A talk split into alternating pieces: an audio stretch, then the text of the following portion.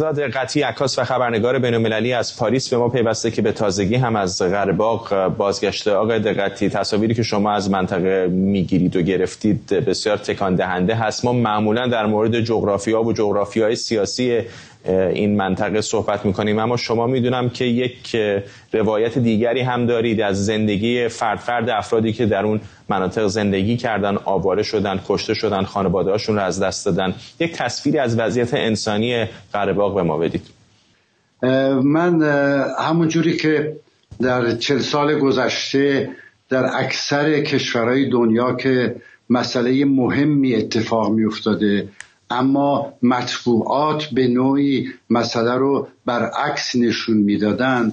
همیشه انتخابم این بوده که اون طرفی برم که داستان رو مطبوعات دنیا برعکس نشون میدن. و یکی از این جاهام مسئله آذربایجان هستش. همونجوری که خودتون الان گفتید از سال 90 که جنگ شروع شد 88 تا 93 من یکی از تنها خبرنگارایی بودم که این واقعه رو عکاسی کردم و این یک میلیون آذربایجانی که از نادیه قرباغ و از این یک میلیون باید بگم که دویست و پنجاه هزار نفر اینا در کشور ارمنستان زندگی می‌کردن که در عرض یک ساعت و دو ساعت و یک روز و بیست و چهار ساعت فرصت بهشون داده می‌شد که با جیب خالی همه چیز رو بگذارن و اگر نمی‌رفتن تو اون فرصت اکثر اینا کشته می شدن حتی مواردی رو من دیدم که وقتی مردم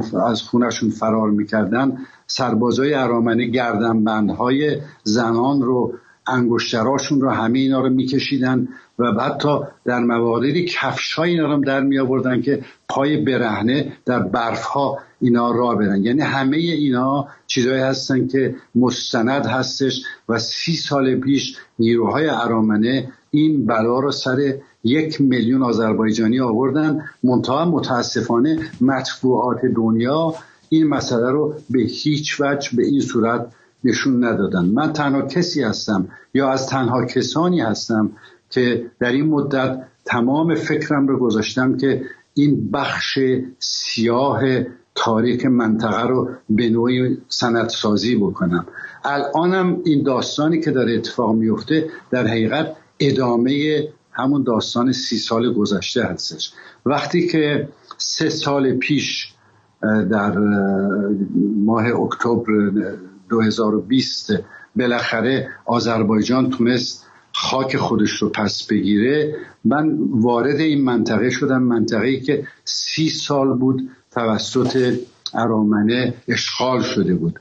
و الان سی سال، سه سال هستش که من تمام کارم رو گذاشتم که ببینم در این مدت در این منطقه چه گذشته.